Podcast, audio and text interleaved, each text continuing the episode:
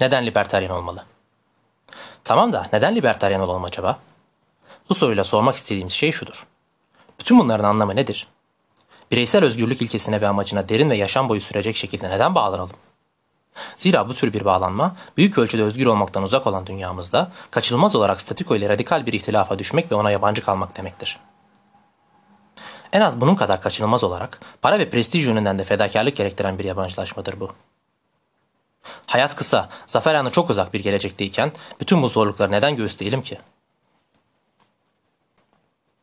Hayret verici bir şekilde bu ülkede sayıları giderek artan liberteryenler arasında bulunan pek çok kişinin son derece dar ve kişisel bir bakış açısından kalkarak liberteryen çizgiye geldiğini görüyoruz.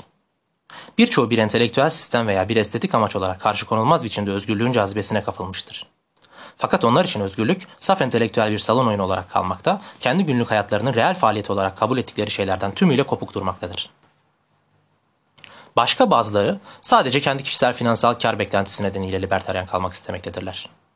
Serbest piyasanın becerikli, bağımsız, girişim becerisini kâra dönüştürebilecek kişiler için daha fazla fırsatlar sunduğunu fark ettiklerinden yalnızca yaptığı işten daha çok kâr edebilmek için libertaryen olmakta ve öyle kalmaktadırlar. Her ne kadar bir serbest piyasada ve özgür toplumda karın çok daha fazla ve daha yaygın olduğu doğruysa da, libertaryen olmanın gereği konusunda öncelikli vurguyu bu dürtü üzerine yapmak olsa olsa gülünç olabilir. Çünkü özgürlüğün başarılmasına kadar yürünmesi gereken çoğu kez dolambaç, dolambaçlı, zor ve zahmetli yol nedeniyle, nedeniyle liberteryen birinin kişisel karı bol olmayı bırakın çok büyük olasılıkla negatiftir. Gerek kumarbazın ve gerekse muhtemel kar peşindeki kişinin dar ve miyopik bakış açısının sonucu, hiçbirinin de bir liberteryen hareket inşasına azıcık bile bir ilgi duymamasıdır. Oysa özgürlüğün eninde sonunda başarılabilmesi ancak böyle bir hareket inşasıyla mümkündür. Fikirler, özellikle de radikal fikirler, sanki bir boşluktaymış gibi dünyada kendilerince ve kendiliklerinden ilerlemezler. Ancak insanlar tarafından ilerletilebilirler. Bu yüzden bu tür insanların dolayısıyla da bir hareketin gelişmesi ve ilerlemesi, amaçları doğrultusunda ilerleme konusunda gerçekten ciddi olan bir libertenin, liberteryenin en başta gelen görevi haline gelir. Bu dar görüşlü insanları bir kenara bırakırsak, şunu da görmek durumundayız ki faydacılık ki serbest piyasa iktisatçılarının ortak zeminidir, serpilen bir liberteryen hareketin geliştirilmesi için tatmin edici olmaktan uzaktır. Her ne kadar serbest piyasanın zengin olsun fakir olsun herkes için daha fazla bolluk ve daha fazla sağlıklı bir ekonomi getireceğini bilmek doğru ve değerli olsa da kritik önemdeki soru bu bilginin pek çok insanı ömrünün ömrünü özgürlüğe adayacak bir noktaya getirmek için yeterli olup olmayacağıdır. Kısaca kaç kişi barikatları kırıp özgürlüğe sürekli bir adanlaş, adam, adanmışlığın getirdiği birçok feda, fedakarlığa katlanmalı ki sırf böyle olduğu için yüzde bilmem kaç daha fazla kişinin daha iyi banyo küveti olsun?'' Yoksa bunun yerine daha rahat bir yaşamı seçsinler de yüzde bilmem kaç küveti boş mu versinler? Sonuç itibariyle demek ki faydacı iktisat her ne kadar liberteryen düşünce ve eylemin gelişmiş yapısında vazgeçilmez bir yeri olsa da liberteryen hareket için bir temel oluşturma konusunda neredeyse sadece kısa dönem kârı peşinde koşan o fırsatçılar kadar tatmin edici olmaktan uzaktır. Bizim görüşümüz odur ki gelişip serpilen bir liberteryen hareket, özgürlüğe adanmış bir ömür ancak bir adalet tutkusu üzerine temellendirilebilir.'' Bizi harekete geçirecek dürtünün ana kaynağı, önümüze çıkacak bütün fırtınaları atlatmamızı sağlayacak zırh budur. Yoksa anında köşeyi dönme arayışı, entelektüel oyunlar oynama veya genel iktisadi kazançların keyifle hesaplanması arayışı değil. Adalet tutkunluğu içinde, adaletin ve adaletsizliğin ne olduğuna ilişkin elimizde bir teori, kısaca faydacı iktisadın sağlayamayacağı bir dizi adalet ve adaletsizlik ahlaki prensipleri olmak durumundadır. Her gün dağlar gibi üst üste yığılan adaletsizliklerden dünyaya pis kokularının yayıldığı gördüğünüz içindir ki bütün bu adaletsizliklerin ortadan kalktığı bir dünya aramak için elimizden gelen geleni yapmak zorundayız. Yoksulluğun ortadan kaldırılması gibi öteki geleneksel radikal amaçlar bunun aksine tamamen ütopiktir. Zira insan sadece iradesini o yönde kullanmak suretiyle yoksulluğu ortadan kaldıramaz. Yoksulluk ancak belirli iktisadi faktörlerin işlemesi, en başta tasarrufların sermayeye yatırılması halinde ortadan kaldırılabilir. Bu da ancak uzun, uzun bir zaman zarfında doğanın dönüştürülmesiyle olur. Kısaca burada insanın iradesi, eski moda ama hala geçerli bir terimi kullanarak söylersem, doğa yasasının işleyiş şekli tarafından ciddi biçimde sınırlandırılmıştır. Oysa adaletsizlikler bir grup insanın diğeri üzerine empoze ettiği eylemlerdir. Tamamen insanların fiilleridir. Dolayısıyla bunlara dayatılması da ortadan kaldırılması da insan, insanın anlık iradesine tabidir. Bir örnek vermek gerekirse, İngiltere'nin İrlanda, halkı üzerinde yüzyıllardır süre gelen işgal ve zalif, zalimane baskısına bakalım. Şimdi 1900 yılında İrlanda'nın durumuna bakmış ve İrlandalıların fakirliğini göz önüne almış olursak şunu söylemek zorunda kalabilirdik. Yoksulluk İngilizlerin burayı terk etmesi ve arazi üzerindeki tekerin kaldırılmasıyla iyileştirilebilir. Ancak İrlanda'da yoksulluğun nihai olarak ortadan kaldırılması en iyi koşullar altında bile zaman alır. İktisadi yasaların işlemesine tabi olurdu. Ancak İngiliz baskısına son vermek işte bu insanların iradesiyle anında yapılabilecek olan bir şeydi. Bunun için İngilizlerin ülkeyi boşaltma kararı yeterliydi. Elbette asıl mesele bu tür kararların anında ortaya çıkmaması gerçeği değildir. Asıl mesele fiyaskonun bizzat kendisinin failleri bu durumda İngiliz hükümeti tarafından karar verilip uygulanmış bir adaletsizlik olmasıdır. Adalet sahasında her şey insanın iradesiyle olur. İnsanlar dağları yürütebilirler. Yeter ki bunu istesinler. Yoksulluğun derhal ortadan kaldırılması veya herkesin bir anda bir konser piyanistine dönüşü vermesi arzusu itopik olabilir. Oysa adaletin derhal tesisi yönünde bir tutku, kısaca radikal bir tutku bundan dolayı ütopik değildir. Çünkü yeter sayıda insan bunu isterse şayet adalet anında gerçekleştirilebilir. Adalet için gerçek bir tutku o halde radikal olmak durumundadır.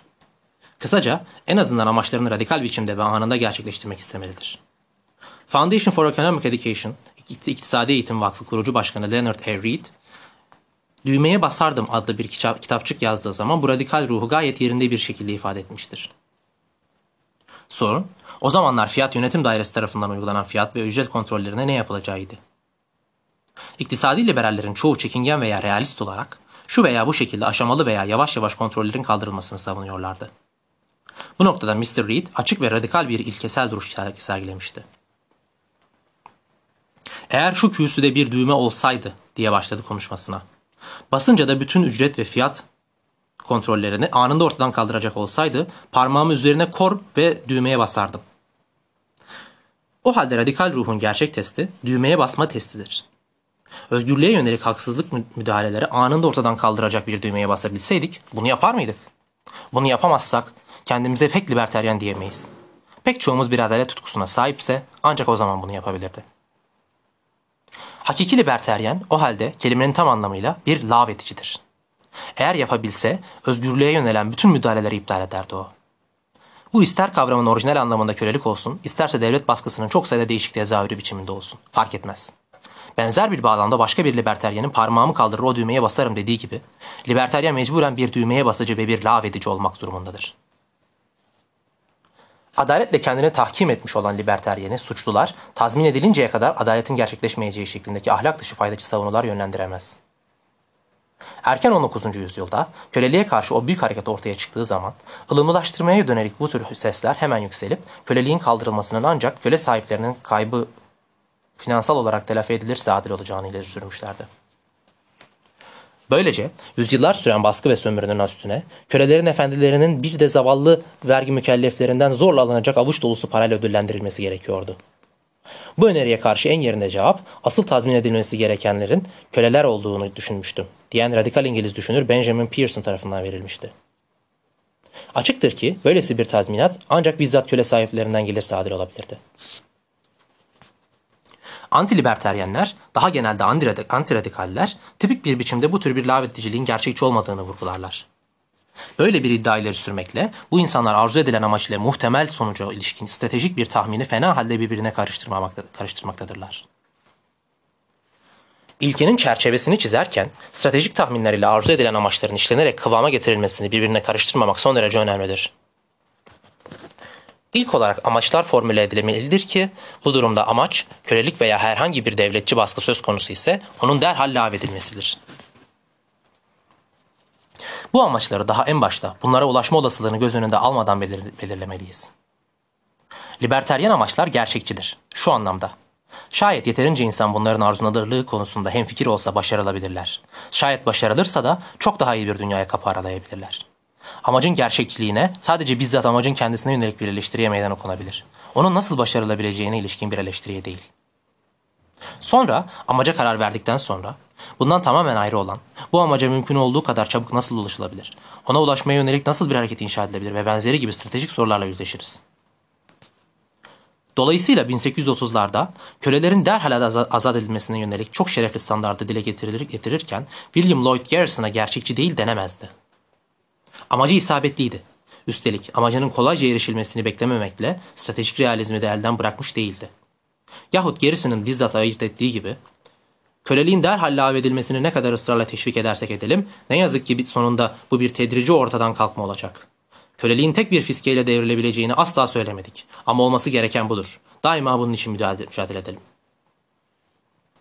Esasen stratejik olanın as- alanında saf ve radikal prensip bayrağını yükseltmek genellikle radikal amaçlara ulaşmanın en hızlı yoludur. Çünkü eğer saf amaç hiçbir zaman öne çıkarılmazsa ona doğru gitmeye dönük asla bir hareketlenme olmayacaktır. Şayet köleliğe karşı olanlar 30 yıl önceden feryadı basmamış olsalardı, kölelik asla kaldırılamazdı. Üstelik işlerin seyrine bakın ki köleliği lağvediş aşamalı olmamış veya kimse tazmin edilmemiş. Ancak stratejinin gereklerinin üstünde ve ötesinde adalet komutları yatmaktadır. 1831 yılının başında The Liber- Liberator, Liberator'ı yayın hayatına başlatırken yazdığı meşhur editoryal yazısında William Lloyd Garrison daha önce aşamalı lağvediş görüşünü benimsemiş olduğuna pişman olmuştur. Bu fırsattan yararlanarak açık ve net şekilde sözümü geri almak istiyorum ve herkesin önünde Allah'tan, ülkemden, kardeşlerimden ve zavallı kölelerden o kadar mahcubiyet, adaletsizlik ve saçmalık dolu bir fikir dile getirdiğim için beni bağışlamalarını diliyorum. Kullandığı dilin haşin ve kızgın oluşundan dolayı kınayanlara karşı Garrison sert çıkmıştır. Ateş püskürmeliyim. Zira eritecek dağlar kadar buzum var. İnsanın özgürlük davasına gerçek anlamda adanmışlığına işaret eden ruh, işte bu ruh olsa gerektir. Murray Newton Rothbard Eşitlikçilik, doğaya karşı isyan. Derin ve yaşam